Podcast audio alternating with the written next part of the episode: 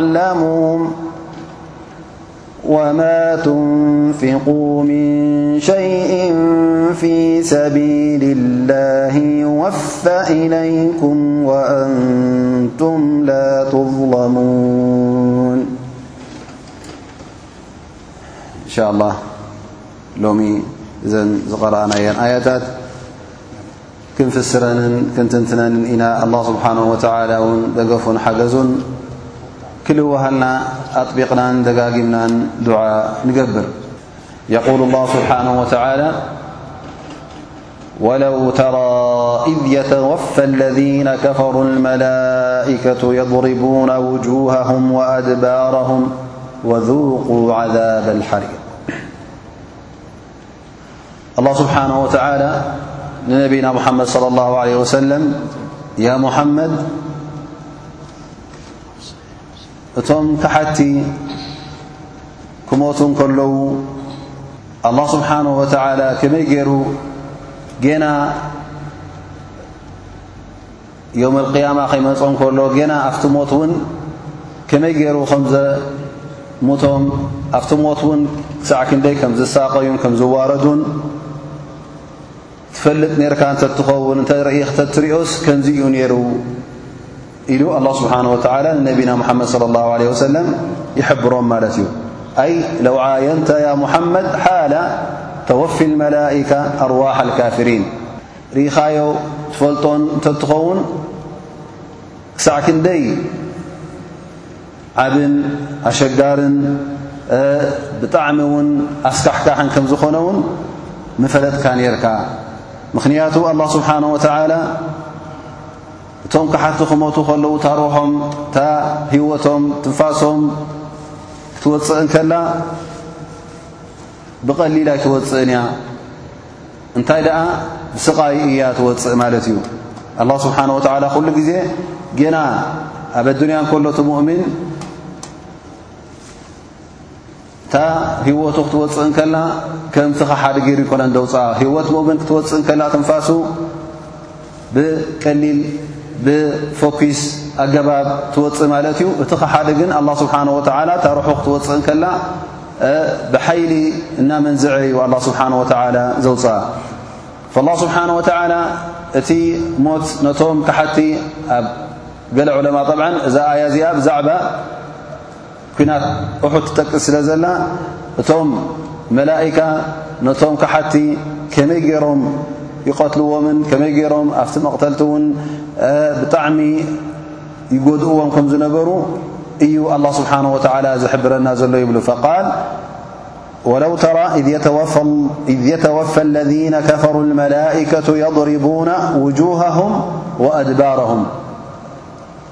እንታይ ኢሎም ዑለማ ገሊኦም ማለት እቶም ሙሽሪኪን ገጾም ናብቶም ሙእሚኒን ገይሮም ህጁም ክፍጽሙ ከለዉ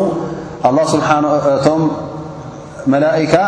ነዞም ሰባት እዚኦም ነዞም ክሓት እዚኦም ኣብ ገጾም ብሴፍ ገይሮም ወይ ከዓ ፊቶም ሂቦሞም እንከለዉ ብፊቶም ይሃርምዎም ማለት እዩ ተለቀውሁም ብስዩፍ ዓላ ውጁህህም እንተ ደኣ ክሃድሙ ኮይኖም ድማ ወላ እውን ካብቲ ዓውዲ ኩናት እናሃደሙ ከለዉ እቶም መላእካ ኣርኪቦም እውን ብደሓር መጺኦም ብዝባኖም እናሃረምዎም ብመቐመጮኦም እናገረፍዎም ብሴፍ እና ወቕዕዎም እዮም ዝሞቱ ኢሎም ማለት እዩ ግን ካል ዑለማ ኣላ ስብሓን ወተዓላ እዛ ኣያ እዚኣ ኣብዚ ጉዳይ ናይ ሱረት ኣንፋል ጉዳይ غዞት በድር፣ ኩናት በድር ተረኽበ ይጥቀሳ ደኣ እምበር ሓል الካፍሪን ጉዳይ ናይቶም ካሓቲ ክሞቱ እንከለዉ ኩሉ ግዜ እቲ ነገር ንዕኦም ኣሳቓይን ኣዋራድን ከም ዝኾነ ኣብዛ ኣያ ጥራይ ዘይኮነ ኣብ ካልእ ኣያታት እውን እንተ ርእና ኣላ ስብሓን ወተላ እቶም ክሓቲ ክመቱ ከለዉ እቲ ኣማውትኦም ፈኲስ ከም ዘይኮነ እንታይ ደኣ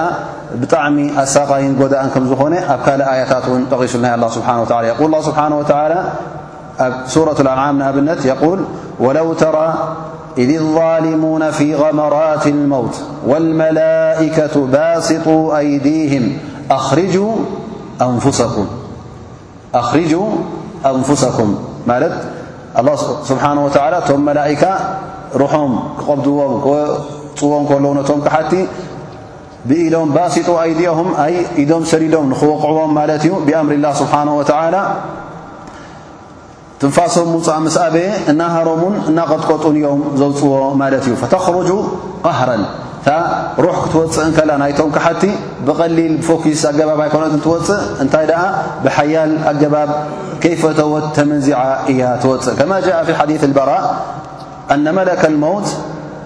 إذا جاء للكافر عند استحضاره أو عند اعتضاره يأتيه في صورة منكرة فيقول أخرجي أيتها النفس الخبيثة إلى سموم وحميم وظل من يحموم فتتفرق النفس الخبيثة في بدنه فيستخرجونها من جسده كما يخرج السفود من الصوف المبلول فتخرج معها العروق والعصب እዚ ሓዲት እዚ እንታይ እዩ ዝብል ዘሎ? መላእካ ኩሉ ግዜ ህይወት ከሓዲ ንኽምንዝዑ ንኸወስዱ ክመፁ እንከለዉ እኽርጂ ኣየቱሃ ነፍሲ እዮም ዝብልዋ ኣንቲ ርኽስቲ ነፍሲ ውፂ ሕጂ ትሳቐይ ኢኺ ንዒ ናፍቲ እሳት ናፍቲ ስቓይ ውፂ ይብልዋ እሞኒ እዛ ነፍሲ እዚኣ ብምሕር ፍርሃት ኣብ ምንታይ ኣብቲ ኩሉ ኣካላት ናይዚ ኸሓዲ እዚ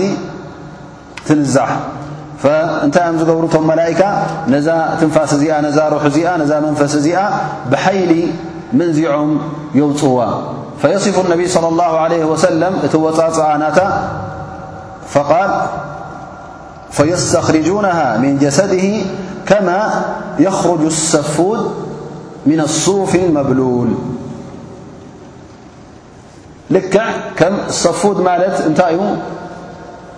ሓደ ዓይነት ሓፂን እዚ ሓፂን ድማ ብዙሕ ርእሲ ዘለዎ ማለት እዩ ብዙሕ ርእሲ ዘለዎ ሓፂን ሕጂ ኣብ ውሽጢ ሱፍ ፀጉሪ ወይ ከዓ ፀምሪ በሃል ትግርኛ ናይ ኣባጊዕ እንተ ኣእቲኻዮ እሱ ከዓ እተ ተርኪሱ ኣሎ ኮይኑ ሕጂ ከመይ ገይረ ወጽእ ክትወጽኦ እንተ ኮንካ እዚ ሓጺን እዚ ብዙሕ ርእሲ ስለ ዘለዎ ብየማን ብጸጋም ን ላዕሊ ንታሕቲ ክትስሕባ ከለኻ ሕጂ እዚ ሓጺን እዚኣ እንታይ ኮይና እያ ትወጽእ ሰለል ኢላ ክትወጽእ ኣበደን እንተ ደኣ ብሓይሊ ኢኻ ተውጽኣ ትወጽእ እንተ ኮይና እውን መንጭጫ ምስኣ እንታይ እያ ተውጽእ ማለት እዩ ገለ ካብቲ ሱፍ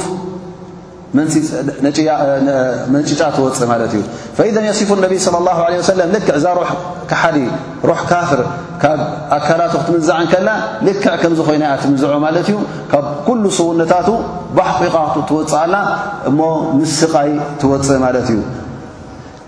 ثመ የቁል ላ ስብሓን ወላ እዚ ጥራይ ዘይኮነ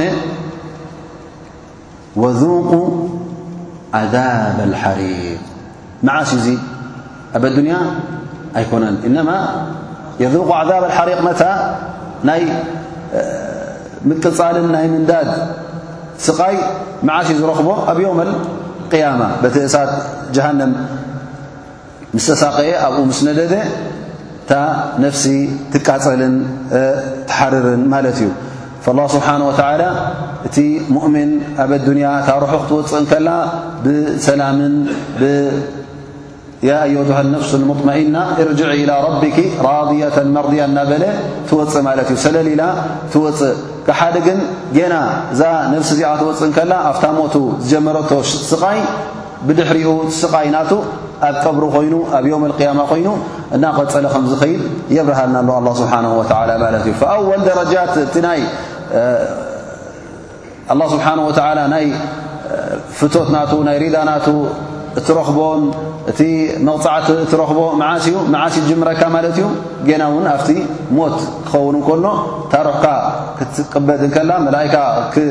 ክወስድዋ እንከለዉ ሽዑ ውን እቲ ስቓይ ይጅምረካ ማለት እዩ። እንተ ከሓዲ ኔርካ ኮይንካ እንተ በዓል ኼር በዓል ሰናይ ኔርካ ኮይንካ ድማ እዛ ነብሲ እዚኣ እዛ ሩሕ እዚኣ ድማ ኣላ ስብሓን ወተዓላ ሰተት እናበለት ከም ትወፅእ ይገብራ ማለት እዩ። ወذቁ ዓዛብ ሓሪቅ ብልዎም እቶም መላእካ ድማ ጌና ውን ፅባሕ ንግሆ እነሀ ውን እሳተ ጀሃንም ንዑ ቅመስዎ ኢኹም ንዑ ጠዓምዎ እዚ ኣሳቃይ ዝኾነ ናይ እሳት ኣንዳዲ ስቃይ ይብልዎም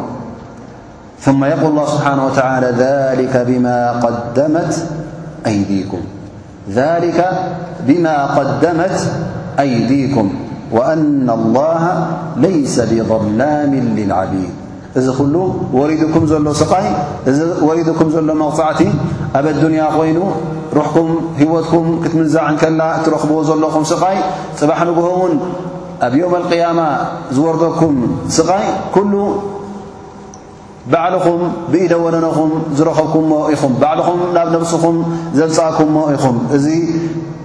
ስቓይ እዚ ጠንቁ ተግባራትኩም እዩ ነይሩ ذሊከ ብማ قደመት ኣይዲኩም ኢድኩም ኣሕሊፋቶ ዝፀንሐት ኢኹም ትረኽቡ ዘለኹም እዛ ኢድ እዚኣ ሰናይ ኣሕሊፋ ነራ ተትኸውን ሰናይ ምረኸበት ነራ ግን እከይ ስለ ዘሕለፈት እከይ ስለ ዘፅንሐት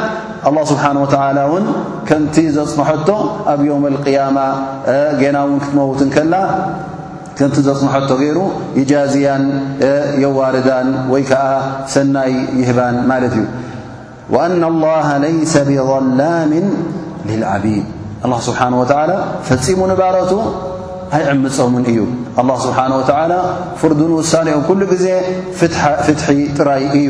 ፈላ የጁዙ ፊ ሓቂ ላ ስብሓን ወላ ፈጺሙ ኣላ ስብሓን ወተዓላ ካብ ዓመፅ ንፁህን ፅሩይን እዩ ምኽንያቱ እንተ ደኣ ሓደ ሰብ ክዕምፅ ኮይኑ ንምንታይ እዩ ዝዕምፀካ ንምንታይ ዝዕምፅ ሓደ ሰብ ንሓደ ሰብ ክዕምፅ እንከሎ ጥቕሚ ደልዩ ማለት እዩ ላ ስብሓን ወተላ ግን እንታይ ጥቕሚ ክፅበዩ ካባኻ ካባኻ ይደሊ ካብቲ ፀላኢኻ እውን ኣይደሊ እማ እዚ ፈራዳይ ክፈርደካ ከሎ ክዕምፀካ ከሎ ካብቲ ኣንፃርካ ዘሎ ሰብ ካብቲ መባእሲኻ ዘሎ ምስኡ ጥቕሚ ስለ ዘሎ ንዑ ክሐጉስ ኢሉ ኸውን ወይ ካባኻ ንዓኻ እተ ዓሚፁ እኳ ዝረኽቦ ጥቕሚ ኣሎ ኮይኑ ዓሚፁ ካባኻ ዘሕድጎ ነገር እተ ኣሎ ኮይኑ ንዑታት ኢሉ እዩ ዝገብር ማለት እዩ ላኪን ኣላ ስብሓን ወተላ ኒዩን ሓሚድ ኒዩን ዓን ዕባድ ፍፁም ሃብታም እዩ ካባኻ ዝደልዮ የለን ስለዚ ኣላ ስብሓን ወተላ ምንቲ ምንታይ ይዕምፅ ላ ስብሓን ወላ የስተሒል ዘበት እዩ ኣላ ስብሓን ወተላ ንወዲ ሰብ ክዕምፅ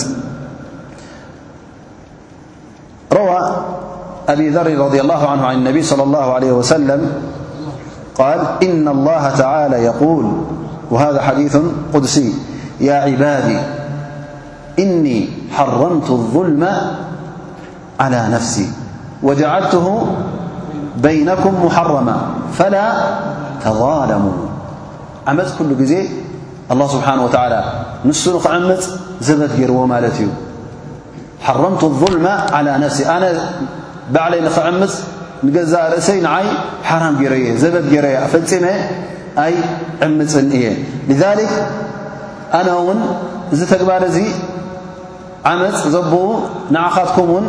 ሓራም ገይረ እዮ ፈላ ተዛለሙ ንንዕድኩም ኣይትተዓማመፁ ተጠንቀቑ ኢኹም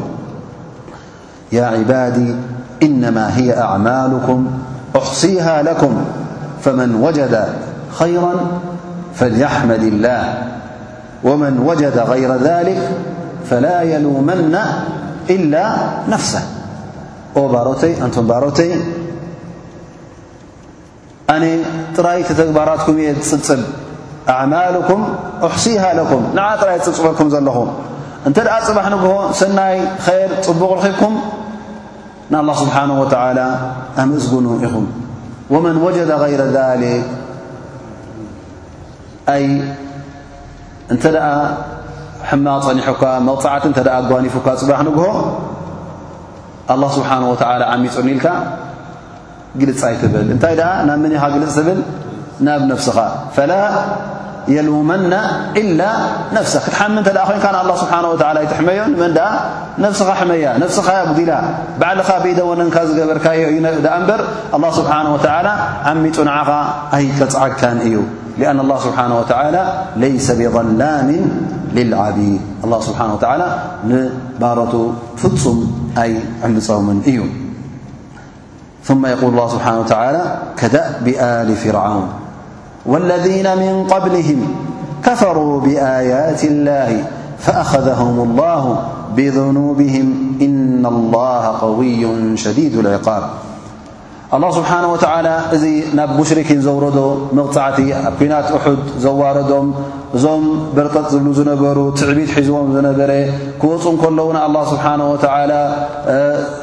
ንኸይምለኽ ኣብ መካ ኮይኑ ኣብ ሙሉእ ጀዚራ ዓረብያ ኣንጻር ዳዕወት ላህ ኣንጻርቲ ተውሒድ ነቢና ሙሓመድ صለ ላሁ ዓለ ወሰለም ሒዝዎ ዝመፀ ኣንጻሩ ስለ ተቓለሱ ኣላ ስብሓን ወተዓላ ነዞም ሰባት እዚኦም ልክዕ ከምቲ ቕድሚ ሕጂ ነቶም ዓመፀናታት ነቶም ዓመፀኛታት ዘውረደሎም ስቓይ ከምኡ እውን ኣውሪድዎም ከዳእቢ ኣህሊ ፍርዓውን ፍርዓውን እንታይ እዩ ዝገብር ነይሩ ፍርዖን ኩሉ እከይ ዘቦኡ ገይርዎ ማለት እዩ በል ኣነ ረብኩም ኣዕላ እናበለ ኣነ የቲ ዝዓበየቲ ልኡል ጎይታኹም ንዓይ ኣምልኹ ንዓይ ተገዝኡ እናበለ ንሰብ እናዓመፀ ንሰብ እናዋረደ መሰል ንኣላህ ስብሓን ወተዓላ ዝግባእ መሰል ንዕኡ ክወስዶ እናደለየ ነቶም ህዝቢ ኩሎም ከም ባሮቱ ገይሩ ሸሸይ ስለ ዝበለሎም ኣላህ ስብሓን ወተዓላ ኣብ መጨረሻ ነዚ ሰብ እዚ ብሕማቕ መቕጻዕቲ ቀጺዕዎ ማለት እዩ ብሕማቕ መግረፍትን ኣዋሪድዎ ማለት እዩ ወለذነ ምን ቐብልህም ኣላ ስብሓን ወተዓላ እውን ቅድሚ ፍርዖን ዝነበሩ ገበናት ዝፍጽሙ ዝነበሩ መገዲ ኣላ ስብሓን ወተዓላ ገዲፎም ሸሸይ ዝብሉ ዝነበሩ ትዕቢት ሒዝዎም ዝነበረ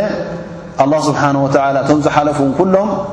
እንታይ ገይርዎም ማለት እዩ እቲ ዝግባእ መቕጻዕቲ እቲ ዝግብኦም ኣውሪዱሎም ሊዛሊክ ኣላ ስብሓን ወተዓላ ነዞም ሙሽርኪን እንታይ ዝብሎም ዘሎ ልክዕ ከምቲ ቀዳሞት ዝረኸብዎ መቕጻዕቲ ከምኡ ኢኹም ረኺብኩም ዘለኹም ኣላ ስብሓን ወተዓላ ለይሰ ብላሚን ልልዓቢድ ባሮቱ እቶም ዝሓለፉ ኩሎም ዛንታ እንተ ትፈልጡ ኮይንኩም ወረ ናይቶም ዝሓለፉ እተ ኣለኩም ኮይኑ ታሪክ ናይ ፍርዖን ናይቶም ቅድሚኡ ዝነበሩ ክሓቲ ኣላ ስብሓን ወተላ መቕፃዕ ትውሪድሎም ስለምንታይ ከፈሩ ብኣያት ላ በቲ ኣላ ስብሓን ወተላ ዘውረዶ ኣያታት ቃላት ኣንብያ ዝለኣኾም ብኡ ስለ ዝኸሓዱ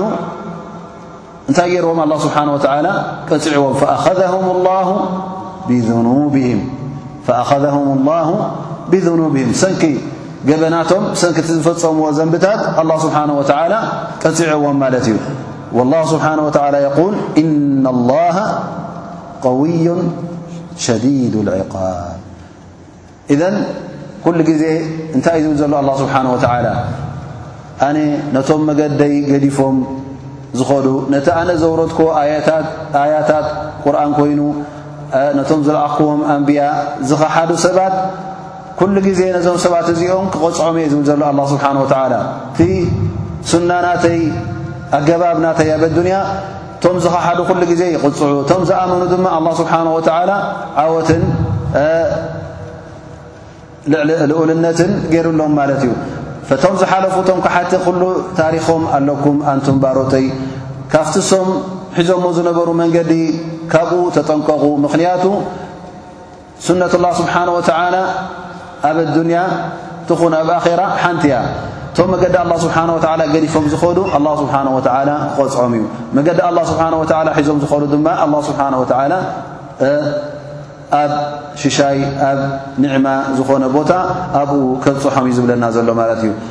ብሰንኪ እቲ ዘንብናቶም ብሰንኪ እቲ ገበናቶም እዚኦም ካብ ቀፃዕክዎም ኣንቱም እስኹም ድማ ኣንቱም ባሮተይ ተጠንቀቑ እንተ ደኣ ዘንቢ ትፍጽሙ ኣለኹም ኮይንኩም ኣላ ስብሓን ወተዓላ ክቐጽዓኩም እዩ ላ ስብሓን ወተዓላ እዛ ኣያ እውን እና ላሃ ቀውዩን ሸዲዱ ልዕቓብ ክብል እንከሎ ምናልባሽ እቶም ቅድሜና ዝነበሩ ከምዚ ንሕና ሒዝና በፅሕናዮ ዘለና ሓይሊ ኣይነበሮምን ከምዚ ሒዝና ዘለና ፍልጠት ኣይነበሮምን ንኸይትብል ኣላ ስብሓን ወተዓላ እቶም ዝሓለፉ ሰባት ምናልባሽ ብምንቅጥቃጥ መሬት ዘጥፍኦም ኣሎ እንተ ዳካ ንሕና ሕጂ ብሳይንሳዊ ላዕሊ በጺሕና ኢና ምንቅጥቃጥ መዓስ ከም ዝመጽእ ቀግሒ ክኾኖ ከሎ ንፈልጦ ኢና ትብል እንተ ኮንካ ወይ እውን ከምዝን ከምዝን ትምህርቲ ኣለና ከምዝን ከምዝን ኣፋውስ ኣለና ኢልካ ምእንቲ ከይትታለል ኣላ ስብሓን ወተዓላ ኢነ ላ ቀውዩ ሸዲድ ዕቃብ ይብለካ ኣሎ ማለት ፍፁም ንኣላ ስብሓን ወተላ ዝስዕሮ የለን ላ ሊበ ልላ ስብሓን ወተላ ወላ የፉትሁ ሃርብ ካብ ኣላ ስብሓን ወተላ እውን ሃዲምካ ትበፅሖ ቦታ የለን ስለዚ ፍፁም ሓያል ስለ ዝኾነ ልዕሊ ሓይሊ ናይ ኣላህ ስብሓን ወተዓላ ካልእ ሓይሊ ስለ ዘየለ እሞ ብፍልጠተይ ብሓይለይ ከምልጥ እየ ዝብል ኣብ ሓንጎልካ ክመፀካ የብሉን። ከምዚ ዓይነት እዚ እንተ ደኣ ስምዒት ኣለካ ኮይኑ እውን ተታሊልካ ከም ዘለኻ ኣይትረስዕ ትጋገ ከም ዘለኻ እውን ኣይትረስዕ እዩ ዝብለካ ዘሎ ኣላ ስብሓን ወተዓላ ኢነ ላሃ ቀውዩን ሸዲዱ ልዕቃብ እቶም ቅድሜኻ ዝነበሩ እውን ሰነፋት ኮይኖም ኣይኮኑ ኣላ ስብሓን ወተዓላ መቕጻዕቲ ውሪድሎም በል ካባኻ ንላዕሊ እውን ሓያላት ነይሮም ይኾኑ ኣላ ስብሓን ወተላ ኣለቲ ለም ይኽለቕ ምሉሃ ፊ ልቢላድ ዝበሎም ማለት ቅድሚ ሕጂ ተረእዮም ዘይፈልጡ ከምኦም ዝኣመሰለ ሓይሊ ዝነበሮ ኣይነበረን ግን ኣላ ስብሓን ወተዓላ መቕጻዕቲ ምስ ኣውረደሎም ሓንሳ ክጸንሑ ኣይከኣሉን ማለት እዩ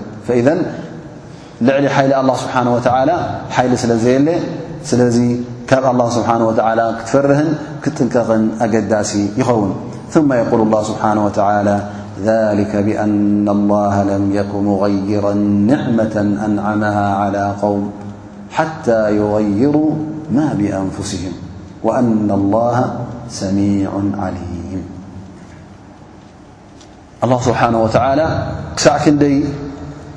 بع فتح خمخانون أبزي النا لمالت يقول ذلك بأن الله لم يኩ مغير نعمة أنعمها على قوም ኣላ ስብሓን ወተዓላ ዝኾነ ሽሻይ እንተ ደኣ ሂቡካ ነይሩ ኮይኑ ኣብ ሽሻይ ትነብር ነርካ ኮይንካ እዚ ንዕማ እዚ ዝሽሻይ እዚ ድማ ኒዕመት ዲን ኒዕመት ዱንያ ናይ ኣዱንያ ይኹን ናይ ዲን ሰናይ ነገራት ትረክብ እንተ ደኣ ነርካ ኮይንካ እሞ ኣብዚ ሽሻይ እዚ ነርካ ብድሕሪኡ እንተ ደኣ ሽግራት ከጓንፈካ ጀሚሩ እንተ ደኣ ሕማቕ ነገር ከጓንፈካ ጀሚሩ እዚ ተረኺቡ ዘሎ ነገር ስቕ ኢሉ ከም ዘይመፀካ ክትፈልጥ ኣለካ ማለት እዩ እዚ ረኺቡካ ዘሎ ሽግር ስቕ ኢሉ ይኮነን መፅእኳ ዘሎ እንታይ ደኣ ሰበብ ኣለዎ ማለት እዩ ማህወ ሰበብ እንታይ እዚ ጠንቂ እዙ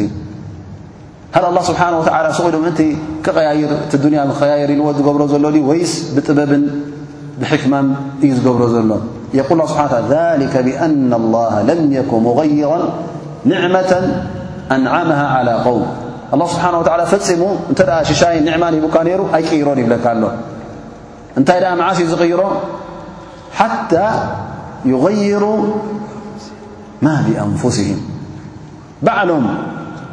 እንተ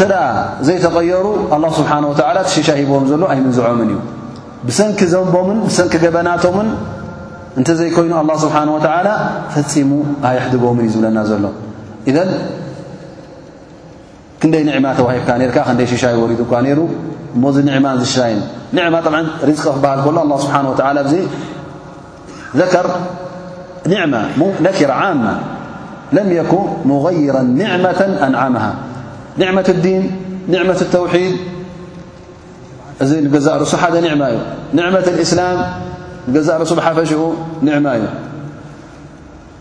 እዚ ናይ ናይ ዲን ኣይض ኒዕመት ኣማን ናይ ኣማን እንተ ኮይኑ ኣማን እንተ ነርዎ እታ ሃገር ትነብሮ ዝነበርካ ናይ ርዝቂ እውን ኣማን ናይ ርዝቂ ሽሻይ እንተ ነርዎ ኮይኑ እዚ ኩሉ እንታይ እዩ ኩሉ የንደርጅ ታሕተ ኒዕማ ሓደ ካብቲ ሽሻያት ማለት እዩ እዘ እንተ ካብዚ ሽሻያት እዚ ክጓደል ጀሚሩ እዚ ሽሻያት እዚ ክጠፍእ እንተ ጀሚሩ ሰበብ ኣለዎ ማለት እዩ መን እዩ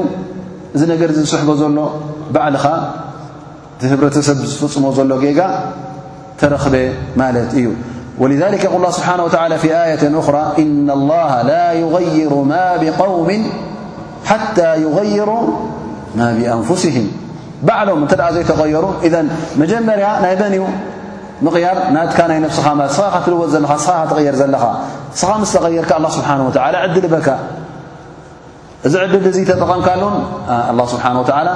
بكنب ا ن نعمة لف ت ان جر لذلك يقول وإذا أراد الله بقوم سوءا فلا مرد له وماله من دونه م وال إذ الله سبحانه وتعالى يتنناله مالتي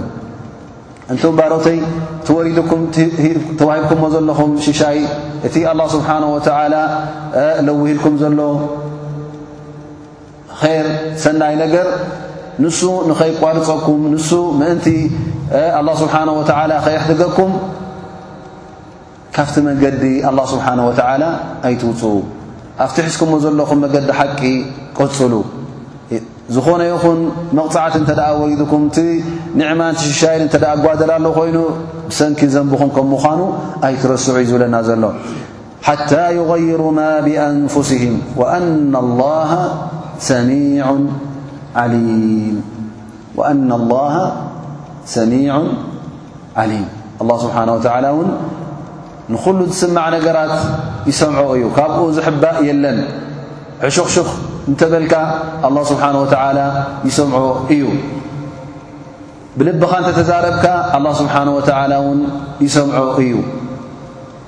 ንኹሉ ዘረባታትካውን ኣላ ስብሓን ወተዓላ ይቈጻጸሮን ይጽብጽቦን እዩ። ካብ ኣላ ስብሓን ወተዓላ ክትሕባእ ኣይትኽእልን ኢኻ። ስለዚ እቲ ትብሎ ዘለኻ ቃላት ኣላ ስብሓን ወተዓላ ይጽብጽቦ ከም ምዃኑ ክትርስዕ ኣለካ ክትርስዕ የብልካን። እነ ላሃ ሰሚዑን ሊኣቅዋልክ እዘን ንገዛእ ርእሱ እታ መልሓስ እውን ትጋገ እያ እታ መልሓስ እውን ብሰንካ እውን እቲ ዝነበረካ ሽሻይ ክጠፍኣካ ማለት እዩ እቲ ዝነበረ ኒዕማን ርዝቅን እውን ብሰንኪ እቲ ትብሎ ዘለኻ ቃል ክትሕተተሉ ኢኻ ወይ እውን መቕጻዕቲ እውን ክወርደካ እዩ እዘን ሓደ ሰብ ብናልባሽ ብመልሓሱ እውን ብቓሉ ሙምክን ኣብ ክሕደት ይበጽሕ የክፉር ንገዛእ ርእሱ ሓደ ሰብ ኣብ እስልምና ኣብ ኢማን ክኣቱ እተ ኮይኑ ግዴታ የንጡቕ ብማዛ ይኸዋና ብሸሃደተይን እንተ ኣ ብመልሓስ እውን ኣነ ብኣላ ኣይኣምንን እየ እተ ኢልዎ ዕያዙ ቢላ ብቁርን ኣይኣምንን እየ ወይ ከዓ በቲ ኣብ ቁርን ዘሎ ገለገለ ኣያታት እዚ ኣይኣምነሉን እየ ጥራይ በዚኣን በዚኣን እየ ዝኣምን እተ ኢሉ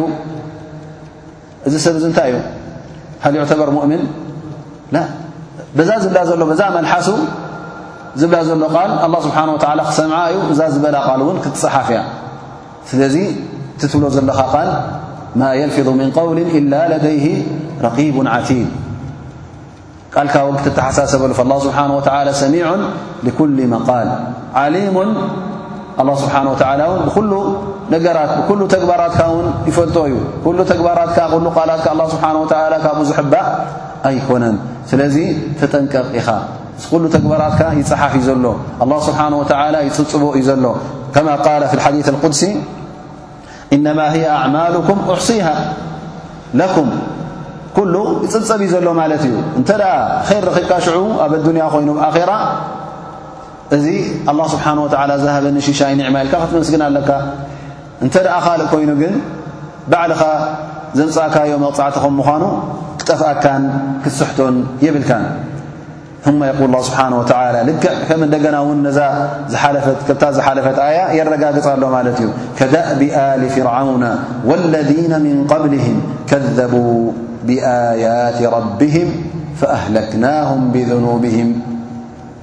وأغرقنا آل فرعون وكل كانوا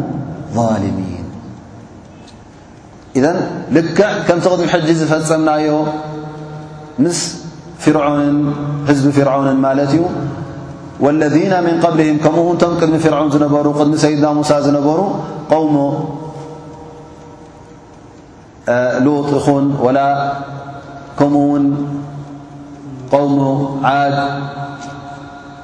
ይኹን እዞም ዝሓለፉ ኩሎም ኣላ ስብሓን ወተዓላ እንታይ ገይርዎም ማለት እዩ ቆውሙ ኖሕ እውን ይኹኑ ኩሎም እዞም ዝሓለፉ ኣህዛብ ኣላ ስብሓን ወተዓላ ዘሳቀዮም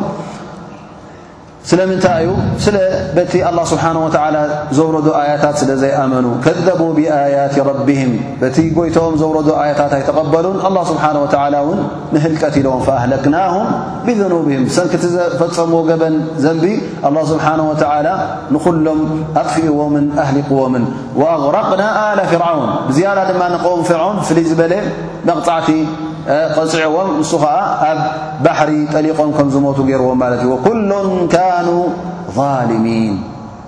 ወኩሉም ካኑ ዛልሚን እዞም ኩሎም ሰባት እዞም ዝሓለፉ ኩሎም እንታይ እዮም ነይሮም ኩሎም ዓመፀኛታት እዮም ነይሮም ማለት እዩ ባዕሎም ንነፍሶም ዓሚፆም መጀመርያ ምኽንያቱ ነቲ ኣላ ስብሓን ወተዓላ ዘርኣዮምን ዝሓበሮምን መንገዲ ገዲፎም ባዕሎም ብኢደ ወነነኦም ናቶም መንገዲ ክገብሩ ስለ ዝጀመሩ ነቲ መልእኽቲ ኣላ ስብሓን ወተዓላ ስለ ዝነፀጉ ኣላ ስብሓን ወተዓላ ነዞም ሰባት እዚኦም ቀጺዕዎም ማለት እዩ። እቲ ዝነበሮ ኒዕማ ሽሻይ እውን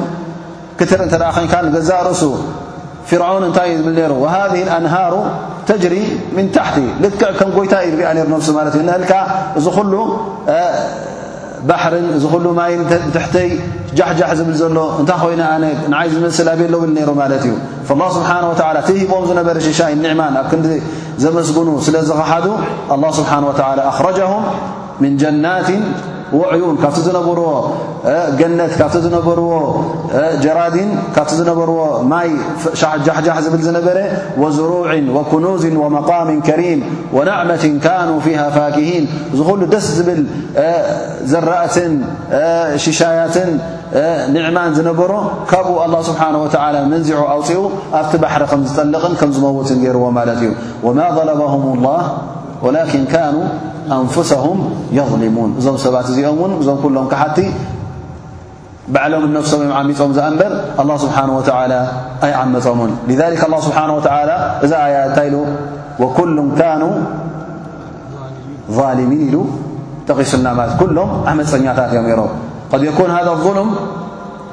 ظልሙ ሽርክ ኣወለ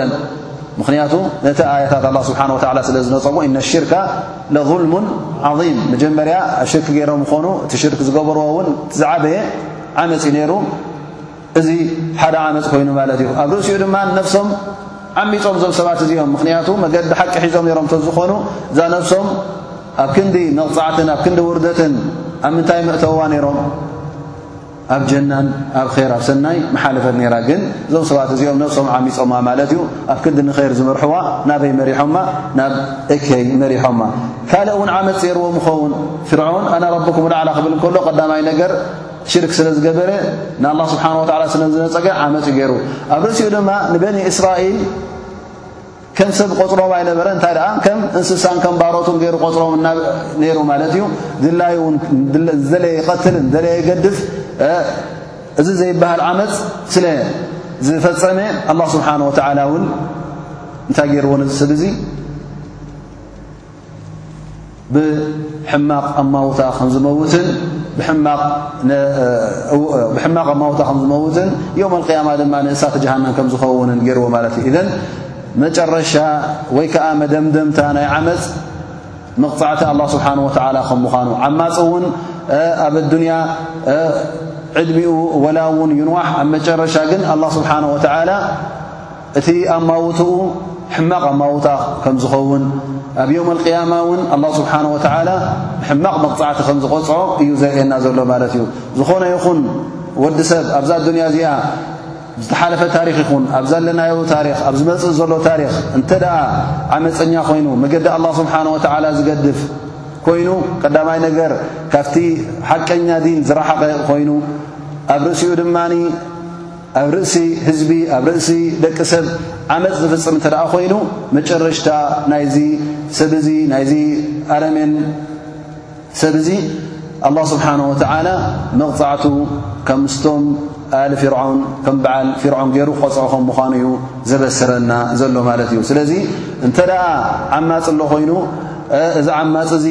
ምናልባሽ ንስኻ እንታይ ይገብር ኣሎ ክሳዕ ሕጂ ዕድሚኡ ነዊሕ ኢልካ ምናልባሽ የተሓሳስበካ ኸውን ላኪን ኣላ ስብሓን ወተላ ንሕክመትን ዩሪድሃ ኣላ ስብሓን ወተላ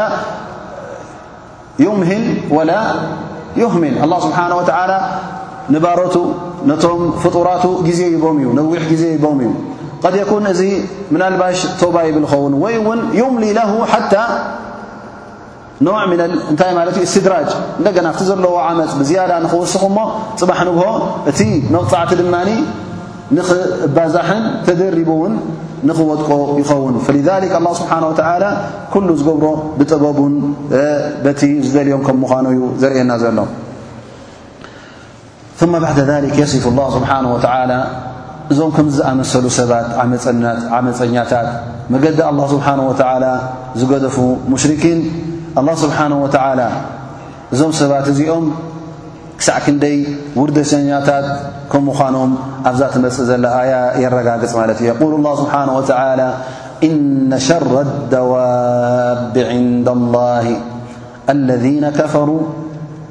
فهم لا يؤمنون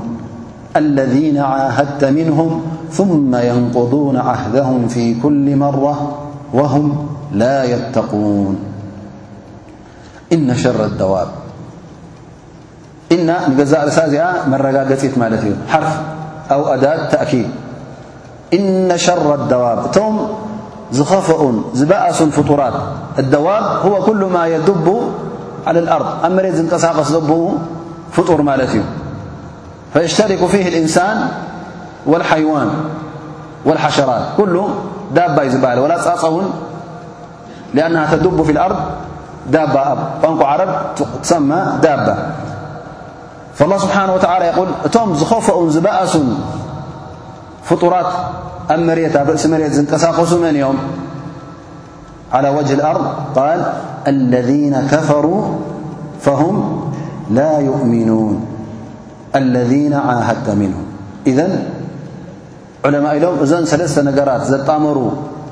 ነገር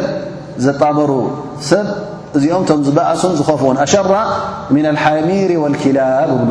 ካብ ዝኾነ ዝበኣሰ እንስሳ ወላ እውን ቶም ነጅስ ኢልና ንኣብንሎም እንስሳታት ወላ ኣኻልብ ይኹኑ ካብኦም እዚኦም ይኸፍኡ መዓኖም ሰብ እዮም ላኪን እቲ ዝገብርዎ ዘለዉ ተግባር ደረጃኦም ካብ እንስሳ ንታሕቲ ገይርዎም ማለት እዩ ኣላ ስብሓን ወተላ ፈየቁል ጀመዑ በይና ልክፍር ዓደም ልኢማን ወልክያና ጀመዑ ምኽንያቱ ኣወለን ክሓቲ ኮይኖም ክሒዶም እውን ብ ዝኸሓደ እውን ብኣላ ስብሓን ወተዓላ ኣይኣምንን እዩ ኣብ ርእሲኡ ድማ ዘኣተውዎ ኪዳን ዝገበርዎ ውዕል እውን ኩሉ ግዜ ዝጠልሙ እንተ ኮይኖም እዚኦም ኣላ ስብሓን ወተዓላ ኣብዚ ኣያ እዚኣ ብምንታይ ገሊፅዎም ብሸር ደዋብ ዝበእሱን ዝኸፈኡን ፍጡራት ኢልዎም ማለት እዩ እነ ሸረ ደዋብ ዕንዳ ላ ብ ኣብ ቅድሚ ኣላ ስብሓን ወተዓላ ኣለነ ከፈሩ እቶም ብኣላ ስብሓን ወተዓላ ዝኸሓዱ ማለት እዩ ፈሁም ላ ዩእሚኑን ብማ ኣነም ከፈሩ ስለዚ ንፈፂሞም እውን ዘይኣምኑ ማለት እዩ ኣብ ርእሲኡ ድማ ኣለዚና ሁም ማዕናሃ ዝያዳ ውስፍ ንዕኦም እዩ ዝበና ዘሎ መቐፀልታ ነቲ ናቶም ተግባራት ማለት እዩ ኣለዚነ ዓሃድተ ምንሁም ثመ የንቁዱነ ዓህደሁም ፊ ኩል መራ ኩሉ ውዕል እንተ ጌርካ ምስኦም ኣበየ ውዕል ትገብሮ ምስኦም ኩሉ ግዜ እንታይ ካ ትረኽቦም ማለት እዩ ነዚ ውዕል እዚ ይብትኑን ይጠልሙን ማለት እዩ ምኽንያቱ ኣስለን ሓደ ሰብ እንተ ደኣ ውዕሉ ከኽብር ኮይኑ ኩሉ ግዜ እንታይ እዩ እዚ ሰብ እዚ ጠባይ ኣለዎ ማለት እዩ ብኣላه ስብሓን ወተላ እውን እምነት ኣለዎ እንተ ጠሊሙ ኣብ ቅድሚ ኣላ ስብሓን ወላ የኽፍኣሉ ምዃኑ ስለ ዝፈልጥ ኣይጠልምን እዩ እዞም ሰባት እዚኦም ግን ንገዛ ርእሶም ብኣላ ስብሓን ወተላ ክሒዶም ኣብ ርእሲኡ ድማ ጥልመት ዝገበርካ ውዕል ዝገበርካ ስምምዕ እንተ ጌርካ ምስኦም እውን ፈፂሞም ነዚ ስምምዕ እ ዘየኽብሩ ኢሉ ኣላ ስብሓን ወተላ ሓቢሩና ማለት እዩ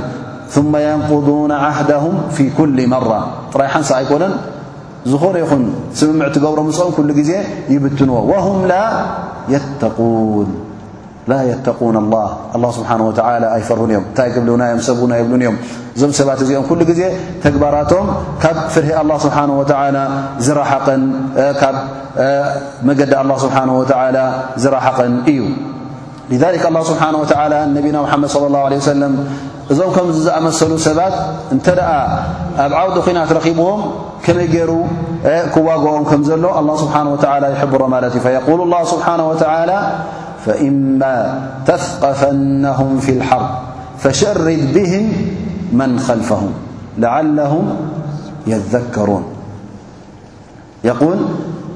ፈኢማ ተስቀፈናሁም ፊ ልሓርብ እንተ ደኣ እዞም ሰባት እዚኦም ኣብ ኩናት ገጢምካ ምስኦም እንተ ደኣ ኣብ መንጎኻን ኣብ መንጎኦምን ውግእ ተኻይዱ ፈጺምካ ነዞም ሰባት እዚኦም ክትርሕሞም ክትህርሃሎም የብልካን በል ፈሸሪድ ብህም መን ኸልፈሁም ፈሸርድ ብህም መን ኸልፈሁም ሃ ዝያዳ ፊ ተኽዊፍ ማለት እዩ ንዕኦም ኣይኮነን እቲ ትገብሮ እቲ ትፍጽሞን መቕጻዕቲ ወይ ከዓ እቲ ክትዋጋእ ከለኻ ትርእዮም ሓይሊ ንዕኦም ዘፍርህ ኣይኮነን ጥራይ እንታይ ደኣ ትሸርድ ብህም መን ኸልፈሁም እቲ ገና ኣብ ኩናት ዘይኣተወ ዘሎ ጥራይ ትዝዕዘብ ዘሎ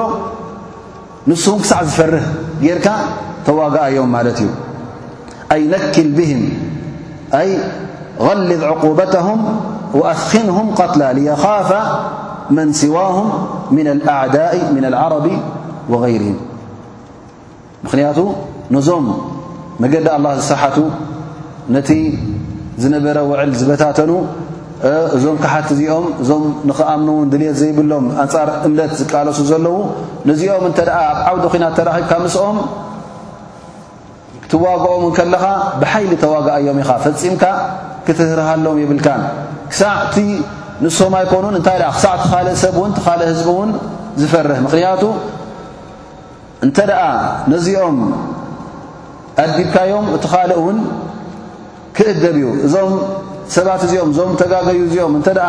ብደንቢ ተቐጺዖም ኣብኡ ከሎ ውን እቲ ካልእ እውን ክቕጻዕ እዩ። ኢዘን ፈሸሪድ ብህም መን ኸልፈሁም እቲ ተሪፉ ዘሎ ብድሕሪኦም ወይ ከዓ እቶም ኣብ ካልእ ቦታ ዘለዉ ካልእ ዓድታ ዘለዉ ክሳዕ ክንደይ ነቲ መገዲ ዝሰሓተ ሰብ ክሳዕ ክንደይ ክትቀፅዖ ድልት ከም ዘለካን ክሳዕ ክንዲ ክትቀጽዖ ከም ትኽእልን ብሓይሊ ቅጽዓዮም እዩ ዝብል ዘሎ ኣላ ስብሓን ወተዓላ ለዓለሁም የዘከሩን መን ሁም ለዚና የተዘከሩን ለذነ መን ኸልፍም እቶም ካልኦት ማለት እዩ ኣይ ለዓለሁም የሕዘሩን ምኽንያቱ እዞም ውዕል ዝበተኑ ሰባት ከምዚ ጌርካ ምስ ቀጻዕካዮም እቶም ካልኦት ድማ ድሪ ሕጂ ውዕል ኣይጠልሙን እዮም ኣይብትኑን እዮም ፈየኻፉን ፈየኻፉን ፈኢዘን እዚ እንታይ ዘርእየና ዘሎ እቲ መቕፃዕቲ ይኹን ከምኡ ውን ኣላ ስብሓን ወተዓላ ኣብ ሸርዒ እስልምና ሕዱድ ክገብር እንከሎ ማለት መቕፃዕቲ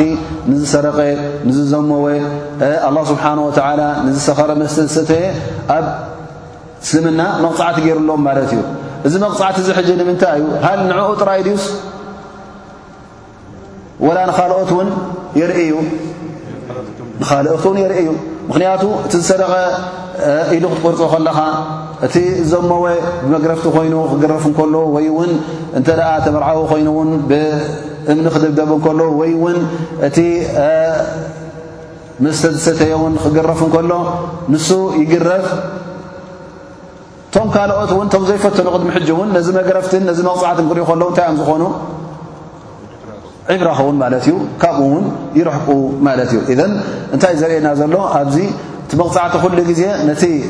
ትቐጽዑ ዘለኻ ጥራይ ኣይኮነን እንታይ ደኣ እቶም ዘይተቐጽዑ እውን እዚ ገበን እዚ ከምዚ ዓይነት መቕጻዕቲ ከም ዘለዉ ክፈልጥ እንከሎ ፈሪሁ ካብቲ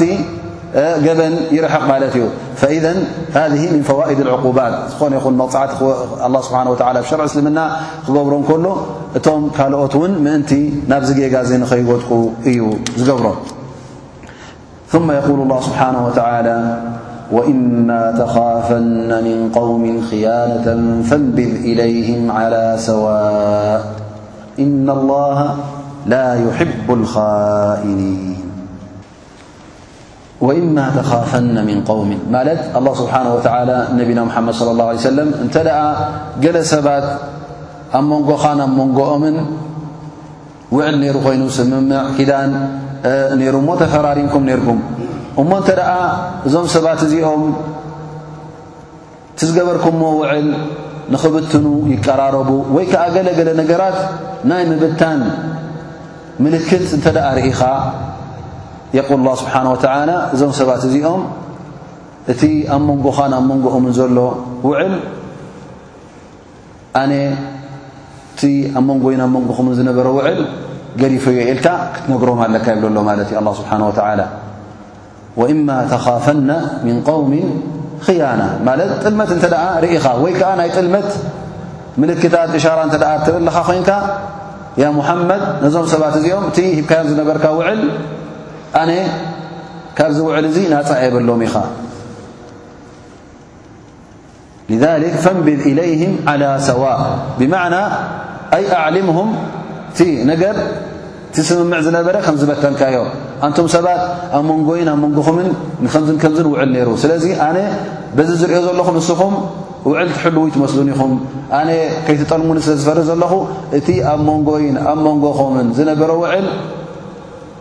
ካብ ሎም መዓልቲ ከም ተበተነ ነግረኩም ኣለኹ ኢልካ ክትነግሮም ኣለካ ወኢላ ሱቕ ኢልካ እውን እዞም ሰባት እዚኦም ምናልባሽ ከይጠልሙን ኢልካ መጺኻ ክተጥቅዖም እውን ኣይፍቀድን እዩ እነማ ከምቲ ጉቡእ እንታይ ኻ ትገብር ትዕሊሙኹም ተፍልጦም ኣለካ እቲ ዝነበረ ውዕል ከም ተበተነ ብድሕሪኡ እንተ ደኣ ምስኦም ኩናት ክትፍጽም ኮንካ ድላይካ ክኸውን ማለት እዩ ምኽንያቱ እዞም ሰባት እዚኦም ተነጊሮም ማለት እዩ እቲ ዝነበረ ውዕል እውን ከም ዝፈረሰ ከም ዘፍረስካዮ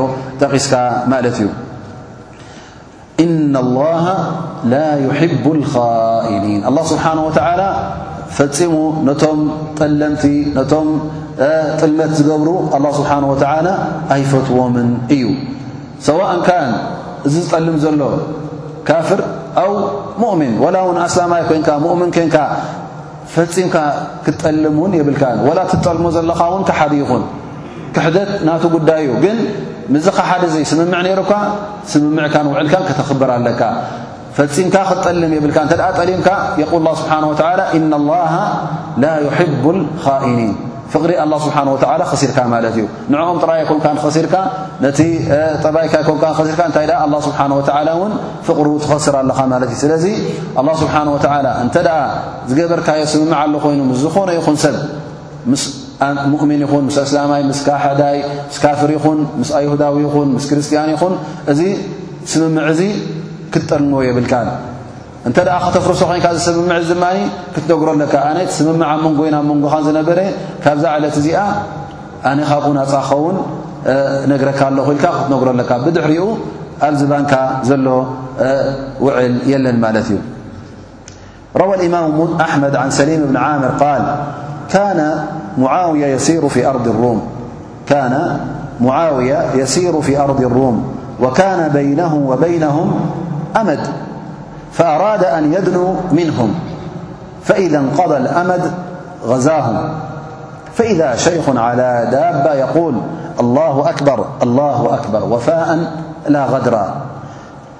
إن رسول الله صلى الله عليه وسلم - قال ومن كان بينه وبين قوم عهد فلا يحلن عقدة ولا يشدها حتى ينقضي أمدها أو ينبذ إليهم على سواء قال فبلغ ذلك معاوية فرجع فإذا الشيخ عمر بن عنبس رضي الله عنه እዚ ሓዲث እዚ እንታይ ዘርእየና ዘሎ ይብል ሙዓውያ ረض ላه ን ብ ካብቶም ኮለፋ ነይሩ ማለት እዩ ሕጂ ኣብ መንጎ ሙዓውያን ኣብ መንጎ ሩም ፀላእቲ እዮም ነይሮም ግን እንታይ ነይሩ ዓህድ ነይሩ ስምምዕ ነይሩ ክሳዕ ፍሉይ መዓልቲ ማለት ወሲኖም ነይሮም ማለት እዩ። መዓልቲ ነንሕዶም ማለት ኩናት ንኸካየድ ኣብ መንጎኦምን ኣብ መንጎ ኣስላምን ኩናት ንኸይካየድ ውዕል ኣትዮም ነይሮም። እዚ ውዕል እዚ ድማ ብምንታይ ተወሰነ እዩ ነይሩ? ብመዓልቲ ብእለት ተወሰነ ነይሩ ማለት እዩ። ሕጂ እንታይ ገይሩ ሙዓውያ ጌና እታ መዓልቲ ከይኣተወት እንከላ እንታይ ገይሩ? እዳ ክዳሎ ጀሚሩ ማለት እዩ ናበይ እቲ ኣፅዋር ኣዳልዩ ሰራዊት ኣዳልዩ ናበይ ይቐርብ ማለት እዩ ናብቶም ሩም ይቐርብ ማለት እዩ ሓደ ካብቲ ዝነበረ ጀሽ ማለት እዩ ዓምሮ ብ ንዓንበሳ ካብቶም ኣስሓብ ነቢ صለ ላه ለ ወሰለም እንታይ ይብል ኣላ ኣክበር ኣላ ኣክበር ወፋء ላ غድራ ማለት ክያና ጥልመት ክህሉ የብሉን እንታይ ደኣ ነቲ ውዕልሲ ክኽበር ኣለዎ ኢሉ ይዛረብ ማለት እዩ ምኽንያቱ ይብል ኣነ ነቢይ صለ ላه ለ ወሰለም ከምዚ ክብሉ ሰሚዐዮም እየ ቃል ወመን ካነ በይነሁ ወበይነ ኸውሚ ዓህድ ሓደ ሰብ ኣብ መንጎኡን ኣብ መንጎ ካልኦት ሰባትን ኪዳን ውዕል እንተ ደኣ ነይሩ ኮይኑ ፈላ የሕለና ዕቕደة ወላ የሹድሃ ሓታ የንቀض ኣመድሃ ፈፂሙ ክሳዕታ መዓልቲ ክኣክል ዝነበረ እሱር ነገር ክፈትሕ የብሉን ፍቱሕ ነገር ዝነበረ እውን ክኣስሮ የብሉን ኢሎም ነቢይ صለ ላه ለ ሰለም ኣው የንብዛ ኢለይህም ዓላ ሰዋ ወይ እውን እቲ ዝነበረ ውዕል ከም ተበተነ ክነግሮም ኣለዎ ድሕሪኡ ምስ ነገሮም እቲ ምድላው ክጅምር ኣለዎ ማለት ኢዘን ሓታ ንገዛእ ርእሱ ተዳሊኻ ማለት ኣነ ቀሪበ ክፀንሕ ኢልካ ወተሃደርካን ሰራዊትካ ኣዳሊኻን ክትፀንሕ ኣብ ጥቕኦም ኮንካ ቀሪብካ ንክትፀንሕ ዞ ንገዛእ ርእሱ እውን ኣይፍቀድን እዩ ፈኢዘን እዚ ነገር እዚ ምስ ሰምዐ መዓውያ እቲ ዝነበረ ሰራዊት ይመልሶ ማለት እዩ ምክንያቱ እዚ ተግባር እዚ ካብ ጥልመት ኮይኑ ስለ ዝሓበሮ እዚ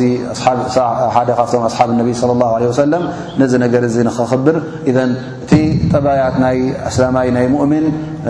ሰዋእን ግለሰብ ኮይኑ ውልቀሰብ ኮይኑ ወይ ውን መሪሕነት ሒዙ ናይ ወተሃደር ናይ ሰራዊት ሒዙ ይኹን ናይ ዓዲ መራሒ ይኹን ኩሉ ግዜ እንተ ንጸላኢኡን ምስ ኣፍቃሪኡን ምስ ዝኾነ ይኹን ውዕል ክገብር እንከሎ ነዚ ውዕል እዚ ቀጥ ኣቢሉ ክሕዞ ኣለዎ ፈጺሙ ክጠልሞ የብሉን ጥልመት ዝበሃል ኣብ እስልምና የለን ሓደ ካብቲ ዓብዪ ጠባያት ናይ እስላማይ ኩሉ ግዜ እሙን ክኸውን ኣለዎ ዝገበሮ ውዕልን ዝገበሮ ኪዳንን ኩሉ ግዜ ከኽብሮ ኣለዎ ደኣ እምበር ክጠልሞ የብሉን ሊኣና ላ ስብሓን ወተላ የቁል እና ላሃ ላ ዩሕቡ ልካኢኒን ኣላ ስብሓን ወተላ ፈፂሙ ጥልመት ዝፍፅሙ ሰባት ጠለምቲ ዝኾኑ ኣላ ስብሓን ወተላ ኣይፈትዎምን እዩ ዑለማ እብሉ እዛ ኣያ እዚኣ የቁል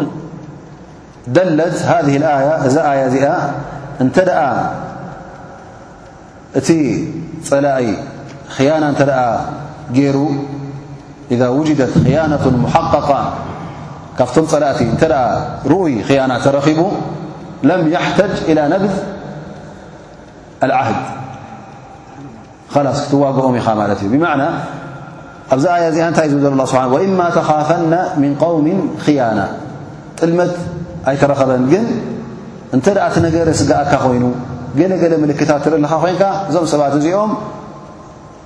ኣብ ክንዲ ኣብ ፍርሃት ኣብ ላንጋላንጋ ትነብር እቲ ዝነበረ ውዕል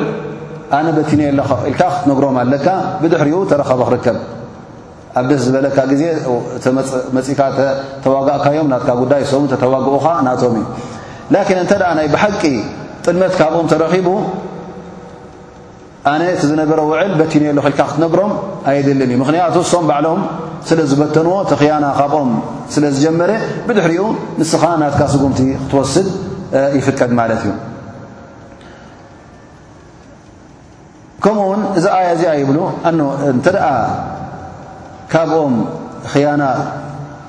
ንኸይርከብ ኢልካ እንተ ዘይትፈርህ ኮንካ ላ የጁዙ ነብደ ዓህድ እንተ እቲ ነገር ዘየስግእ ኮይኑ እቲ ጉዳይ ጠቢዒ ይኸይድ ኣሎ እተ ኮይኑ ብንቡር ይኸይድ እተ ኣሎ ኮይኑ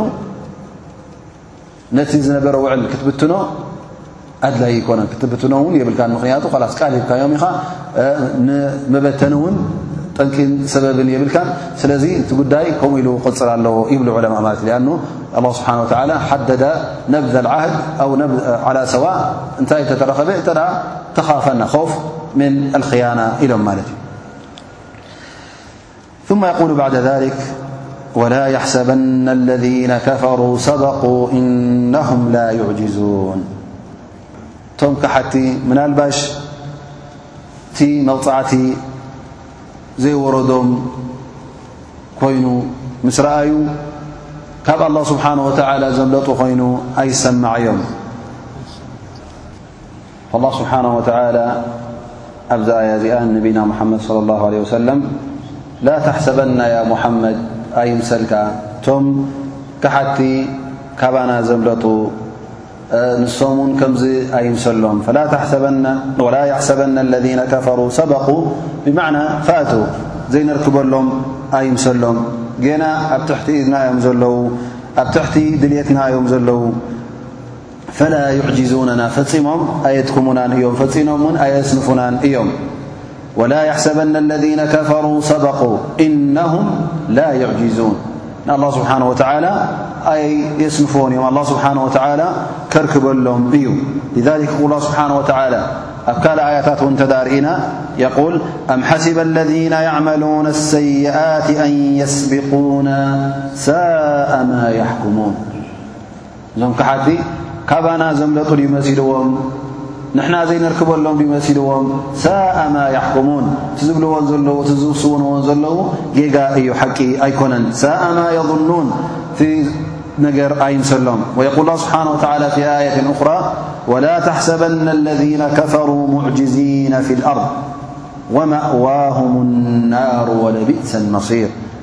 ከምኡ ውን ካሓቲ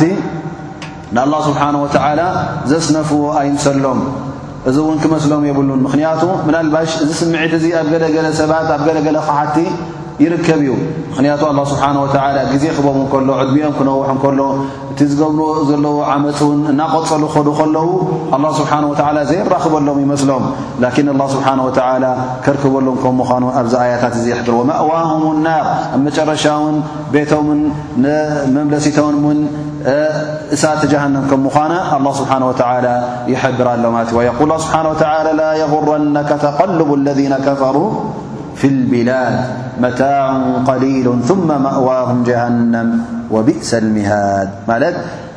እቲ ካሓቲ ላዕልን ታሕትን ዝብልዎ ዘለዉ የማን ጸጋም ዝጻፍዕዎ ዘለዉ ካብ ዓዲ ናብ ዓዲ ዝንቀሳቐስዎ ዘለዉ ካብ ቦታ ናብ ቦታ ዝንቀሳቐስዎ ዘለዉ እዚ ምንቅስቓሳት እዚ እዚ ኩሉ ዝነብርዎ ዘለዉ ብኼር ሰናይ ዘሕልፍዎ ዘለዉ እዚ ነገር እዚ ክዕሽወካ የብሉን ምኽንያቱ መታዕን ቀሊል እዚ ግዜያዊ ደስታን ግዜያዊ ራህዋን እዩ ያን ዱንያ ኩልሃ ቀሊል ሓንቲ የብላን ኣብ ቅድሚ ሽሻይ ኣላ ስብሓን ወተላ ኣብቲ ዮም ቅያማ ዝርከብ ኸር ኣብ ኣዱንያ እንታይ ኣለዋ እዛ ኣዱንያ እዚኣ ወላ ሓንቲ የብላን መታዕን ቀሊል ኣላ ስብሓን ወተላ ውሑድ ደስታ ይብሎ ኣሎ ማለት እዩ ማ ማእዋሁም ጀሃንም ቲዝኸፍአን እቲ ዝበኣሰን ይጽበዮም ኣሎ እንታይ እሱ እቲ እሳተ ጀሃነም ወቢእሰል ሚሃድ እቲ ዝኸፈአ መደቀስን እቲ ዝኸፈአ መንበርን ድማ እንታይ እዩ እቲ እሳተ ጀሃነም እዩ ብድሕሪ እዚ ኣላ ስብሓን ወተዓላ ነቶም ባረቱ ነቢና ሙሓመድ ለ ላሁ ለ ወሰለም ኮይኑ ነቶም መገዲ እስልምናን መገዲ ሓቅን ሒዞም ዝኸዱ እውን እንታይ ከዳልዉ ከም ዘለዎም እንታይ ዓይነት ሓይሊ ክህልዎም ከም ዘለዎ ኣላ ስብሓን ወተዓላ ወዒዱ ለሁም መስተጣዕቱም ምን ቁወት ወምን ሪባጢ ልከይል እናበለ ይጅምር ማለት እዩ እዛ ኣያ እዚኣ እውን ቅሩብ ትንተና ስለ ዘድልያ ሎም መዓልቲ ምእንቲ ተሃዊኽና ከይንውድኣ እንሻ ላ ዝመ ዘሎ ሰሙን ንትንትና ማለት እዩ ሰፊሕ ግዜ ክንረኽበላ ፅቡቅ ጌርና እውን ክንደርሳ እንሻ ላ ንዝመ ዘሎ ሰሙን ነመሓላልፋ ብእዝኒ ላ ተላ ብዝተረፈ ናይ ሎሚ ደርስና በዚ ይድምደም። ከምቲ ልሙድ እውን እቲ ዝሓዝናዮ ሓደ ክልተ ነጥብታት ፋይዳታት ንዑ ደጊምና እንሻ ኣላህ ንጠቕሶ ብኢዝኒላሂ ተዓላ። ባረከ ላሁ ፊክ። እወ ሙእሚንን ካፍርን ሩሖም ኣላህ ስብሓነ ወተዓላ ክምንዝዖም ከሎ መላኢካ ክሰድድ እንከሎ እተፈላለየ ከም ምዃነ ሩሕ ናይ ሙእምን ብፎኪስ ኣገባብን ብሰላምን ክትወፅእ ከላ ሩሕ ናይ ካፍር ድማ ክትወፅእ ከላ ከምቲ ምንዛዕ ሎም መዓልቲ ርኢና ማለት እዩ እዘን ፍልልይ ከም ዘሎ ተሓቢርና ማለት እዩ ባረከ ላ ፊክ ብ ኣብዛ ኣያ እዚኣ እንታይ ተረዲና እተ ስብሓ ወ ዝኾነ ነሽሻይ ዝኾነ ኒዕማ ካብኡ ካባኻ ክምንዝዖ እንከሎ ካብኡ ካባኻ ክስሕቦ እንከሎ ብሰንኪ ብጠንቂ ከም ምዃኑ ጠቒስና ነርና ማለት እዩ እዚ ኸዓ ንስኻ ካብቲ መገዲ ስለ ዝገደፍካ ካብቲ ሒዝካ ዝነበርካ መገዲ ስለ ዝቐየርካ ኢልና ማለት እዩ ከምኡ ውን እንተ ካብ ሕማቕ ሓላ ካብ ክፉ ንብረት ናብ ፅቡቕ ከውፃእካ እተ ደሊ ኮንካ ውን በንፃሩ ውን ንስኻ ተባ ኢልካ ናብ መገዲ ኣላ ስብሓን ወተላ ክትምለስ ኣለካ እንተ ናብ መገዲ ኣላ ስብሓን ወተላ ተመሊስካ